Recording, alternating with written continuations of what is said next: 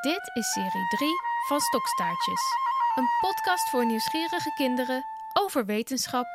In deze derde serie reizen we duizenden jaren terug in de tijd naar het oude Egypte. En onze stokstaartjes willen daarvan alles over weten. Waarvan is piramide gemaakt? Waar woonde een farao eigenlijk? Waarom maken ze mummies van dieren?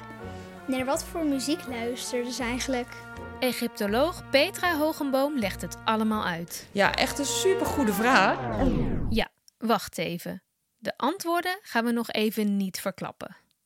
De stokstaartjes en ik gaan ook zelf op onderzoek uit. We gaan op bezoek bij een echt bouwterrein. Nou, kun je hem dan eens proberen om, om hem te schuiven, om hem weg te duwen? Lukt het? Nee. Nee. Nou, misschien als we het samen doen. We speuren rond in het Rijksmuseum van Oudheden. Wat is het? Een koningscobra? Juist. En je zegt het gelijk goed, een koningscobra. En we proberen zelf een echt oud-Egyptisch recept te maken. En? Honing. Honing? Dus ben jij ook benieuwd waar piramides van werden gemaakt? Waar een farao eigenlijk woonde? En naar nog veel meer antwoorden op Egypte vragen? Ga dan met ons mee op ontdekkingsreis naar het oude Egypte en luister vanaf 6 oktober weer naar Stokstaartjes.